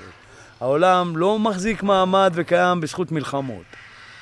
הוא מחזיק מעמד בזכות שמחה, בזכות ריקוד, בזכות כל המשפטים שהיום לצערי אני קורא להם משפטי בחירות, כמו ואהבת לרעך כמוך. למה אני קורא להם משפטי בחירות? כי אין לנו השגה במשמעות של המילים. ברגע שתהיה לנו השגה במשמעות של המילים, אנחנו נוכל להגיד ולהבין מה, הם, מה, מה הכוונה שלהם. אני בזכות הפסטיבל בגני חוגה אמרתי, תקשיבו, אתם לא מבינים בכלל, אם היינו מבינים רק את המשמעות של האות ר' במילה רחמים היינו מזדעזעים. אהבה, א', האלף, רגע, לאט לאט. אנחנו מוציאים מילים בקלות מדי. אין לנו אה, אה, מציאות מפרגנת שהיא חובה לקיום של אה, אה, כל המשפטים הגדולים והקדושים האלה. חייבים מציאות מפרגנת, חייבים מעטפת. יש מילה בהודית שנקראת נאשה. פתחנו חברת הפקה, קראנו לה נאשה. נאשה זה הגדרה למילה של כשמסיבת טראנס, לא כל אחת עולה למעלה, אוקיי? לא כל אחת מגיעה לממדים האלה. כשכן, אז יש כמו כיפה כזאת, כמו רחם, שעוטף את כולנו והופך אותנו להיות אחד. ברגע הזה כולם מכירים אותו. ואז כולם מרימים את הראש מהאדמה, מסתכלים אחד על השני, והחיוכים עולים. ו... זה ניצחנו. זה עבדנו בפרך, קשה מאוד, לחירות, לא להבדיל. כמו שאתה אומר לך, טוב למות בעד ארצנו, אז על אותו משקל. בטח בטח טוב לחיות בעד ארצנו. אז כל דבר, כמו שהתחלנו את הסשן הזה, לכל דבר יש את הצעד השני שעלינו לחשוף אותו ולגלות אותו ולהראות אותו, איך מגיבים ואיך מתנהגים, והכל טוב, הכל טוב. אז כן, אז uh, ברוך השם והשבח לאל, שאיך אומר הרבי מלובביץ', שזכה הדור הזה, שמינה הקדוש ברוך הוא אדם שמת עצמו לא בערך נעלה משאר האדם. להיות השופטה והמנהיגה של עם ישראל ולהראות לו איך לעבוד את השם יתברך. אנחנו במצב כל כך קשה היום, שמילים לא יעשו את העבודה. רק מעשים בלי מילים. להעביר תורה בלי מילים, מתוך תחושות ממש, כי באמת הרגישויות כל כך גדולות, כמות האכזבות וההימורים הכושלים שעשינו פעם אחרי פעם. אבל מצד שני, אתה מגלה שיותר קל להמר על כישלונות, ופעם אחרי פעם, או כל ארבע שנים, או כל שאתה לא רוצה על זה, מאשר על מישהו, להמר על מישהו שאתה לא מכיר בכלל ואתה לא יודע עליו כלום, אבל מעולם לא הימרת עליו. אז כן, אתה עדיין באותו לופ. אתה עדיין באותו לופ. ואנחנו באים בשביל, אתה יודע, לקרוע את הלופ הזה ולנתק אותו. וכל מי שקשור בכלל לתרבות בילוי, צריך להבין שבעצם זה שהוא מתארגן וקם ויוצא ומתקלח ומתלבש ומתייפייף ושם עליו פסמים כאלה ואחרים, והוא יוצא, יוצא לשמוח, הוא יוצא להעצים שמחה. לא משנה, כאילו, אל תיתנו לאף אחד להסביר לכם דברים אחרים. במהות זה מה שאנחנו עושים. אנחנו יוצאים להעצים את השמחה, לשחרר אנרגיה שקשורה לטוב ולשמחה ולאהבה ולתכלית שבכלל בשבילה נברא העולם. הרי למה הדבר דומה? כמו מאסטר שף שמכין לך ארוחת גורמה. מה הוא רוצה? שתאכל, תהנה ממנה. זה כל מה שהוא רוצה. תראה איזה בריאה ברא לנו הקדוש ברוך הוא. מה הוא רוצה? שנהנה ממנה. מה הקדוש ברוך הוא מבקש ממך? אחי, לפני שאתה אוכל, שטוף את הידיים, זה מה שאני אומר לך, למה לפני כן ניגבת את התחת. אתה רוצה לאכול עם חרא, תאכל עם חרא, ואל תבקש ממני חיי נצח אחר כך. פשוט. באמת זה לא מסובך. תחשוב שזה כמו שאדם שרוצה להשכיר דירה, הוא הולך, רואה דירה, היא מוצאת חן בעיניו. בא בעל הבית, אומר לו, תשמע, יש הסכם של עשר סעיפים למי שרוצה להשכיר את הדירה הזאת. אתה קורא את העשר סעיפים, מוצאים חן בעיניך, אתה חותם. סבבה? נכנס לגור. אחרי שבוע אתה מתקשר לבעל הבית, אתה אומר לו, תשמע, סעיף 2 ו-5 אני לא מתכונן לקיים, כשבמקרה 5 זה גם תשלם שכר דירה. כאילו, מה, אתה גנוב? ואחרי שבועיים אתה עוד מתקשר אליו ואומר לו שיש לך פיצוץ, פיצוץ בצינור בדוד. מה, אתה בא בטענות למי? לא הבנתי. תקיים את העשר סעיפים, אחר כך תבין הכל. אנחנו מתחמקים מאחריות כבר הרבה שנים. יש משפטים שכתובים שזה עם לבדד ישכון, בגויים לא יתחשב. ארץ ישראל, יש לה תחומים שנתחמו בתורה, היא לא שלנו. אנחנו זכינו להיבחר לעובדה ולשומרה. וגם כתוב מפורש, לא מטובכם, אלא מרוע האלה שהיו לפניכם. אבל ברוך השם, ברגע שיש לך נשמה שהיא חלק אלוקה מלמעלה והיא נשמה יהודית, והוצאנו עד בזמנו את המדבקה הזאת, אתה רואה יהודי יהודי, מיהו יהודי זה לא שאלה. זה לא נתון לוויכוח, זה לא דיאלוג. זה או שאתה זה, או שאתה לא זה. עכשיו, זה כמו איזה חבר בזמנו שהתגייר והלך ועשה ברית, ואמר לי, בא לי מבסוט, איך עשיתי לו ברית? אמרתי לו, נו, אז עשית ברית. אז שם מתחילה העבודה להיות יהודי. זה לא... יהודי זה לא אה, מה שאמרו לנו בכלל. זה באמת לבוא ממקום שהוא טוב עד בלי די, נטול אינטרסים. עוד פעם, אנחנו מדברים על uh, תכלית, בסדר, אבל uh, לפחות יש לך מכוון, יש לך מכוון דרך.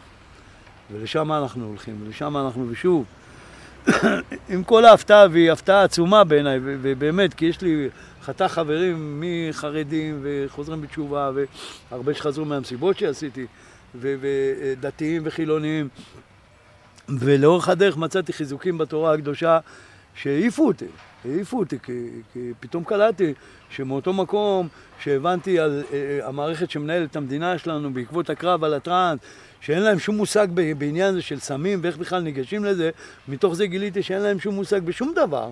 לא תאונות דרכים, לא אבטלה, לא שלום, לא כלום, רק לצערנו אף אחד מהם לא מודה, אוקיי חבר'ה תקשיבו, אנחנו לא יודעים כלום. לא יודעים כלום, בואו תעזרו לנו, בסדר? אנחנו עם שחי בציון. אין, איך אמרתי פעם בבית משפט עליון, אין, אין יותר טוב מהחולה להעיד על מחלתו, במיוחד אם הוא בריא. אז מה, תבואו תשאלו אותנו, מה אנחנו פה? לא הבנתי. פגרים. אתה מצאת את היהדות באמצע החיים? או נולדת איתה? אני לא יודע איך לקרוא לזה בהגדרה. אני, אני באתי מבית מסורתי, שיש שם קידוש ושבת, ובערב שבת, ומבחינתי אה, הדרך היא, אה, התבהרה לי בחוגה, התגלתה לי לגמרי בתנות צ'אנטלטרן, אבל היא הייתה מלכתחילה. היא כווננתי לעניין הזה. החיזוקים שקיבלתי בדרך, וה... גם הגילויים שהיו לי זה שאחרי חוגה פשוט באתי בטענות קשות, הייתי עם החרבות האלה שאתה מדבר, נורא עצבני, לא הצלחתי להבין למה צריך למות כדי להגיע לגן עדן, לא הצלחתי להבין למה אנחנו לא חיים ככה, כי זה הרי פה ליד בית שאן, זה לא, לא, לא יודע על מה, למה אנחנו צריכים לחיות בצורה... ואז כאילו זה הצטמצם לאיזה אלוהים אתה, אתה מבין? הייתי מאוד uh, קשוח, כי היה מאחוריי 15 אלף איש שבחרו מאושר. והתשובה שקיבלתי ריסקה אותי, איזה אלוהים אני, איזה חיות אתם. מה, מה, מה אתה רוצה ממני? נתתכם הכל, תראו מה אתם עושים עם זה. אתם אלה שזה בידיים שלכם. ושם הבנתי, היה לי אז גם חוף ים שלי, וגיל 30 היה לי באמת שנה, גני חוגה, חוף ים, חוף נעורים, היה לי... והכל מיש מאין, והשבח לאל, הצלחתי להקים את עצמי באמת בדרגה שהיא אה, לא נתפסת מבחינת מעמד בכל, המ... בכל החתכים ש... של הקטגוריות שתרצה. והבנתי שכל החיים שלי הולכים להשתנות מקצה לקצה. והבנתי שמהמקום הזה שהחוויה הזאת קרתה לי, אני לא הולך לקום אותו אשר שהיה קודם. אז העזתי לשאול שאלה שנייה, ואמרתי, אם אני חושב, אם אני מדבר עם מי שאני חושב שאני מדבר, איך בנו את הפירמידה? אני רוצה שתענה לי איך אבן גדולה, כל כך גדולה, כל כך כבדה, הגיעה כל כך גבוה, כשמדובר רק בבני אדם, ואם אני מדבר עוד המשכתי, שתבין, לא, זה לא קל עם גדיים, גדיים זה לא פשוט. ואז המשכתי ואמרתי, ואם אני מדבר עם מי שאני חושב שאני מדבר, אפילו טומי לפיד לא יוכל להגיד עליה מילה, זיכרונו לברכה, אז הוא היה חי. ואז התשובה שהייתה, הגיעה, אמרה אשר, מה שהזיז את האבנים האלה היה כאב. וזהו, אחי. זהו, התחלתי לבכות שמונה שעות כמו תינוק. כשאתה מקבל התגלות, והשם יתברך מדבר איתך, הוא שליחה באשר הם, אתה מקבל הבנה של כל המילים. אתה לא צריך לדמיין את שאר הכוונות. לא, לא, לא נותנים לך לתאר לעצמך את הכוונה, כי זה בדיוק הטעות שעשינו עד היום. כל הזמן תיארנו לעצמנו את הכוונות, אבל איך אתה יכול לתאר לעצמך את הכוונות? מתוך איזה ידע, מתוך איזה ניסיון, הרי גם לחלום אנחנו חולמים מתוך מה שאנחנו יודעים. חוגה גילה לי שאני לא יודע לחלום. שנה עבדתי על פסטיבל, נכנסתי לאתר, איך שנכנסתי לאתר אחרי שיירה מדהימה שעשינו בכל הארץ שלושה ימים, הדבר הראשון שחשבתי שזה, וואו, אני אפילו לחלום לא יודע, תראה מה קורה פה. המציאות עולה מעל לכל דמיון. זו השאלה שבחרת לשאול? מה? על הפירמידות? כן. איך אבן כל כך גדולה, כל כך כבדה, הגיעה כל כך גבוה כשמדובר רק בבני אדם. ואז היה עוד תוספת. אמר הקדוש ברוך הוא שמי שיעז להתעסק איתך, תסביר לו אימא, שמחזיקים את הבן הבכור שלה מעל היאור, אומרים לה או האבן או היאורה. אבנים זזו, אחי. כזה כאב, אתה מבין בכלל איזה עבדות הייתה במצרים? ומתוך מה הוציא אותנו הקדוש ברוך הוא? ותבין מתוך זה גם בהקשר למה שאמרת, איזה שלבי ריכוך אנחנו צריכים לקבל עם כל העקשנות הזאת ש, שעוטפת אותנו, במקום להתבטל, השם בכלל יעזור, באמת, ממש להיזהר מאוד לדבר סרה על עם ישראל, אומרים, אין לנו, אנחנו כמו תינוקות שנשבו.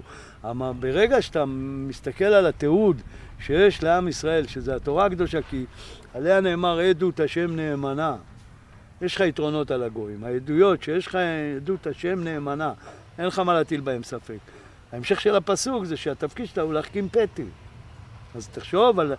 עם העדויות האלה, ברגע שאתה ניגש אליהם לא כתלמיד תורה, כי זה גם סוג של התנסות.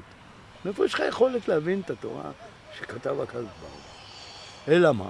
ברגע שאתה מבין שהיא עדות, אז אתה ניגש אליה כחוקר, שמוגשות לפניו עדויות. כסיפור. איך? הוא הולך לחקור את הסיפור. יפה, את הסיפור. ומה עושה חוקר טוב? חוקר טוב מבין דבר מתוך דבר. הוא בא, רואה זירה, הוא צריך להבין מתוך זה איך הוא מפענח את המקרה. מה המקרה שעליו אנחנו פועלים? איך לא ניגלנו? איך עם ישראל לא יצא לגאולה? מה מה ש... רוקדים, רוקדים ברחובות, רוקדים. אנחנו זכינו לקצוות שלה בתקופה, אני מדבר איתך על 97, 98, גם הסגנונות מוזיקה היו כאלה, היינו רוקדים בשבילים, לא היינו הולכים, לא היה ללכת, היינו רוקדים. אז הכל היה, הכל, הכל היה באוויר, הכל, הכל היה שמח, ואז התחילו לקטוש בנו, לקטוש בנו, לקטוש בנו, וכל הזמן אתה אומר, בעיניי, איזה מזל שהגיע דור גאולה, למה? כי דור גאולה לקח את המילה עם השלוש אותיות, למה? והעצים אותה. אחי, למה? למה, אחי? אז מה אם אתה מי שאתה ואתה? אז מה, למה? אין היום לאף אחד שום פריבילגיות. אתה אבא שלי, עם כל הכבוד לזה שאתה אבא שלי, למה? למה ככה? למה לא? זה דור שהוא דור, גם מבחינה שנתית, שנתית הוא רחוק מפרעה יותר מדור לדור, בעצם זה החירות שיש בו עצומה יותר, והיא בוערת בו. ואם הדור הזה לא יקבל מכוונים, חבל לכולנו על הזמן. אני בזמנו, אז שנזכרתי באביגדור קהלני, שהוא היה שר המשטרה, אמרתי להם, אם אתם לא תעבדו איתי, יגדל פה כן דור של צרעות. ואתם לא תדעו מה לעשות איתם. ולצערי, הצד האפל שיש בתוך העניין הזה, זה כל השמות האלה של הדוסה ודוקטור וקטאמין ואללה היסטור, דברים שלא קשורים אלינו בכלל. מוקצה מחמת מיאוס, לא שייך לנו בכלל, זה רק מעיד על התסכול והחוסר מענה שדור שלם, שהאמת בוערת בו ברמה של לפידים בעיניים, לא מקבל מאף אחד אפילו כיוון הכי קטן שיכול להסתמך עליו. אז מה אתה בא? ואתה בא אלינו בטענות שאנחנו מה? אנחנו מפגישים את התוצאה שגודלת בלי שום קשר אלינו בכלל, אנחנו אלה שמרפאים אותה, אנחנו אלה שנותנים לה תקווה, אני כתבתי לחבר כנסת שלמה בן עמי, שהוא גם היה שר המשטרה לאיזו תקופה, הוא היסטוריון דגול, כתבתי לו משפט שראיתי באיזה ספר, שאומר שמי שלא שם לב לשלושת אלפים שנות ניסיון, דן את עצמו לבערות של חשוכה של קיום מיום ליום. מי שלא שם לב לשלושת אלפים שנות ניסיון, דן את עצמו לבערות חשוכה של קיום מיום ליום. וההמשך של הפסוק הזה היה מסיבות טראנס הם הפתרון לסמים. לא הבא, הם הפתרון, הם הפתרון. למה? כי אנחנו יוצרים מציאות שהכל טוב בה. באמת. זה, יש אנשים שאתה לא היו, אתה יכול לדבר שעות, לא יעזור כלום, הם לא יבינו. כי הם נופלים לקטגוריות, אנחנו כל כך מקוטלגים, שזה אללה איסטו. בכל, בכל תפיסה, התפיסה הראשונה שלנו היא הישן הזה שגדלנו עליו. אתה יודע איזה קרב זה לעשות אותו? וזכיתי, ברוך השם. אני תמיד אומר שנולדתי בגיל 30. אבל תחשוב איזה מאבק, הייתי 30 שנה חי. הייתי צריך לריב עם כל ה-30 שנה האלה, שעוד היו קיימים 3,000 שנה לפני כן. אתה יודע איזה מאבק? זה מאבק מטורף, זה הכל על קרי תרנגולת, ופחד אלוקים, והלא נודע, ולך אל הלא נודע, והשבח לאל כל הזמן חיזק אותי, וכל הזמן חיזק אותי. והיום, תראה איפה אני, מה? השתבח שמולה, אתה מבין? בעצם זה שאני מונח במקום הכי נמוך בעולם, מעיד על זה שיש לי את הייעוד הכי גבוה בעולם. והכוח שלנו באחדותנו, למה? כי אם, ונניח, שיש אדם שנבחר למגר את הרע מן הארץ, מה נראה לך שהרע יעשה? הוא יעזוב את הכל והוא יתמקד עליו. הוא יעשה לו כאלה צרות שחבל לכם על הזמן. חבל לכם על הזמן. ואני לא מאחל אותם לשונאי. אממה, מה הקטע? שאר האנשים, זה כמו שאמרתי את זה במצג, פגשתי מישהו משעבר, שהיה בזכות, בזכות מעשיי, היה חלק מהדרך, ואחר כך הפנה את גבו. אמרתי להם, כולכם, אתם יודעים כולכם, שאני העליתי את עצמי על ראש המגדל, שכל הטילים יבואו אליי כדי שתוכלו להמשיך לעבוד מסביב, וכולכם המשכתם לעבוד מסביב, אבל אף אחד מכם לא יסתובב אחורה לראות מה קורה איתי. אז מה יצא בסוף? המערכת רצתה לרסק אותי ואתם עזרתם לה להחליש, כל הכבוד. אבל בסופו של דבר, אם אתה לא יודע מאיפה באת, אתה אף פעם לא תגיע למקום הנכון. אז מה? מה יוצא בסוף? אתה מבין? השורה התחתונה, כוחנו באחדותנו, זה לא סיסמה בחירות. זה באמת הטריק. כי כל עוד הארטילריה לפה, אתם פועלים מהצדדים. לא שמים לב אליכם, וזה בסדר.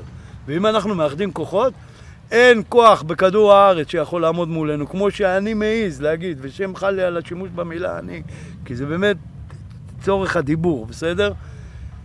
בכל השבעה מיליארד בני אדם שקיימים בעולם, או שמונה, אין אחד, אחד שיכול לעמוד מול הדיבור שיוצא מהפה הזה. כולל אותי ראשון, אני... גדי, ראשון. אתה יודע מה זה? אף אחד. אף אחד. ובדקתי, כמו שאמרתי לכם, הלכתי ובדקתי, וראיתי את התגובות, ומהתגובות רק התחזקתי. אתה מכיר את הקטע הזה שאתה בא שואל איזה מישהו שאלה, ופתאום הוא מגיב בצורה כזו שאתה אומר, רגע, רגע, אחי, מה שאלתי? תן לי רגע לי... מה שאלתי אותך בכלל? תן לי רגע. ככה היה, ויותר מפעם אחת. שבח לאל, שזה באמת, כי, כי כמו שאמרת לך, כמו שאתה רואה פאזל, ואתה רואה, אני רואה איך החלקים נופלים בול למקום, ובדמים, ובצער גדול, לא, זה לא חייב להיות, זה לא מן ההכרח. אבל עדיין, אם אחד מהם לא היה נופל למקום, אחי, היית רואה אותי הולך, מוריד כל הבגדים והולך ערום, הולך ערום. זה מגירת אב, תוכנית מגירת אב אחרונה שיש. אה, אנחנו יודעים, אחי, אנחנו יודעים. זה דיבור גבוה. אנחנו בטוחים, ואין לנו ספק ואין בנו ספק. וחבל לכולם על הזמן. ובואו נראה עכשיו, אנחנו נראה מה, מה יום יוליד, ולאן הרוח תנשור. מבחינתי, אה, ממש זכינו ל... ל... יחסי ציבור אלוקיים. אלוקיים. המסיבה הזאת הצילה את... כמו כל שאר המסיבות שמצילות את העולם באונליין, כי בעצם קיומם, שוב, הן משדרות למעלה, בנוסף לאירוע שלא נתפס, ודברים שרוטים ושריטות, ואלוהים ישמור, ולא חסר, מתוך כל הסרטים שאתה רואה, אתה יכול להבין בכלל לאיזה מקומות האנושות מגיעה ואיזה דברים באמת קורים בעולם. היא זאת שממשיכה לשדר למעלה רק טוב, ורק טוב, ורק טוב. ורק טוב, וזה נחת רוח עצומה לקד ברוך הוא, יש שיר שאומר, גם מאחורי הדברים, הקושי, העוברים עליך, אני עומד. שאתה מבין באמת שמי שעובר עליו הדברים הכי קשים זה הקד ברוך. הוא זה שחווה את כל הדברים ביחד.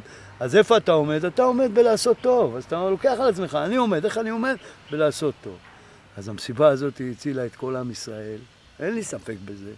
וכמו אמרתי לך, כמו שאר החלקים של הפאזל הזה שנקרא שבט של הטראן, אנחנו אה, נותנים הצדקה לטוענים בעד, תן לעולם להתקיים. תן, כן, נכון שהקדוש ברוך הוא נשבע שלא יהיה מבול יותר.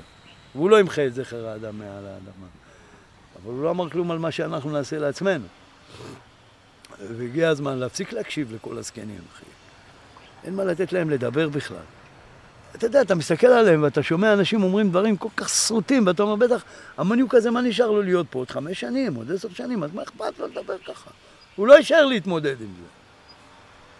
וכמו שהלכנו לבית משפט עליון על חוג השתיים, 15 אלף איש, לא נרשמה הפרת סדר אחת, תקופה של אחרי אסון ערד, אני מגיע עם חוות דעת של מפקד משטרת בית שאן, מגיע עם אישורים שקיבלתי, מה שנקרא אה, אה, הסכמה עקרונית לקיום האירוע מותנית בטופס טיולים של אה, אה, רישיון עסק חד פעמי לאירוע תחת כיפת השמיים. זה, זה עשרות ומאות אלפי שקלים של מהנדסים וכאלה שאתה משחרר ודיג'יים שאתה עושה להם booking ושולח להם חצי מהשכר ושבוע, שבועיים לפני המשטרה מתהפכת לי עקב מידעים אמינים שנאספו לאורך זמן על ידי יחידות שונות של משטרת ישראל כי האירוע הולך להיות קר, נרחב והפצת סימום סמים מסוכנים כאילו מה אתם מדברים בכלל?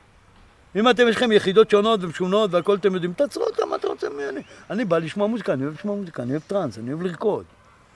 אני אוהב, אני אוהב את מה שזה עושה לי, אז בכלל לא ידעתי מה זה, הייתי אומר אני אוהב לרקוד, היום אני יודע שאני הולך להתפלל.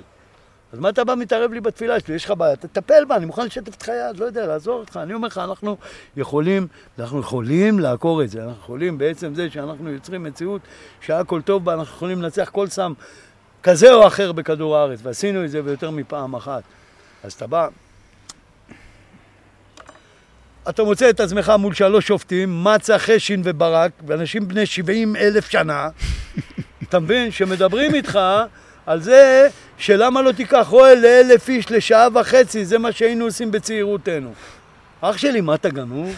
אני מדבר איתך על 30 אלף איש שיכולתי לעשות מכירה פומבית, מכירה פומבית לכרטיסים לחוג השתיים של 30 אלף איש, 1,500 נחיתות מחו"ל, כולל שיחה שלא אשכח אותה בחיים שלי, של אימא מקריית שמונה, מרוקאית, שמתקשרת אליי עם מבטא מרוקאי קשה, תשמע, אני לא מכירה אותך, אבל אני התקשרתי לברך אותך, אתה יודע למה?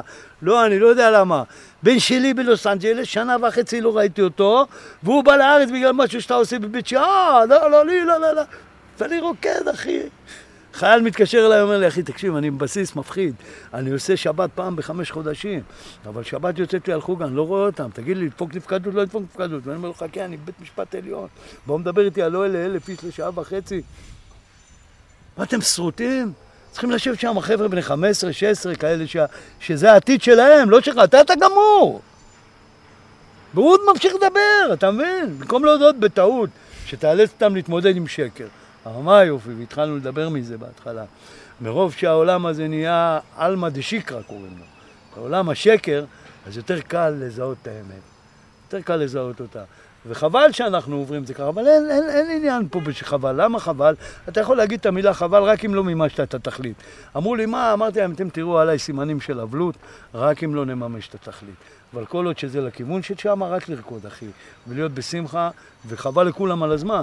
ככל האל בידינו. להמשיך, כי התכלית היא גאולה על פני האדמה, גן עדן, על פני האדמה. יש לנו את כל הכלים, יש לנו את כל הנתונים, קיבלנו הכל, אחי. אוכל פצצות, מוזיקה נדירה, טבע פצצה. איך נדלקה האש.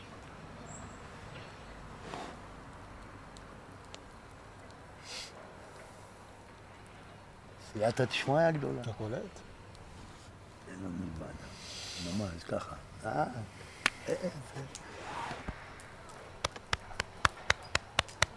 אה, אה, איזה דיבור. דיבור גבוה. ממש, ממש, ממש.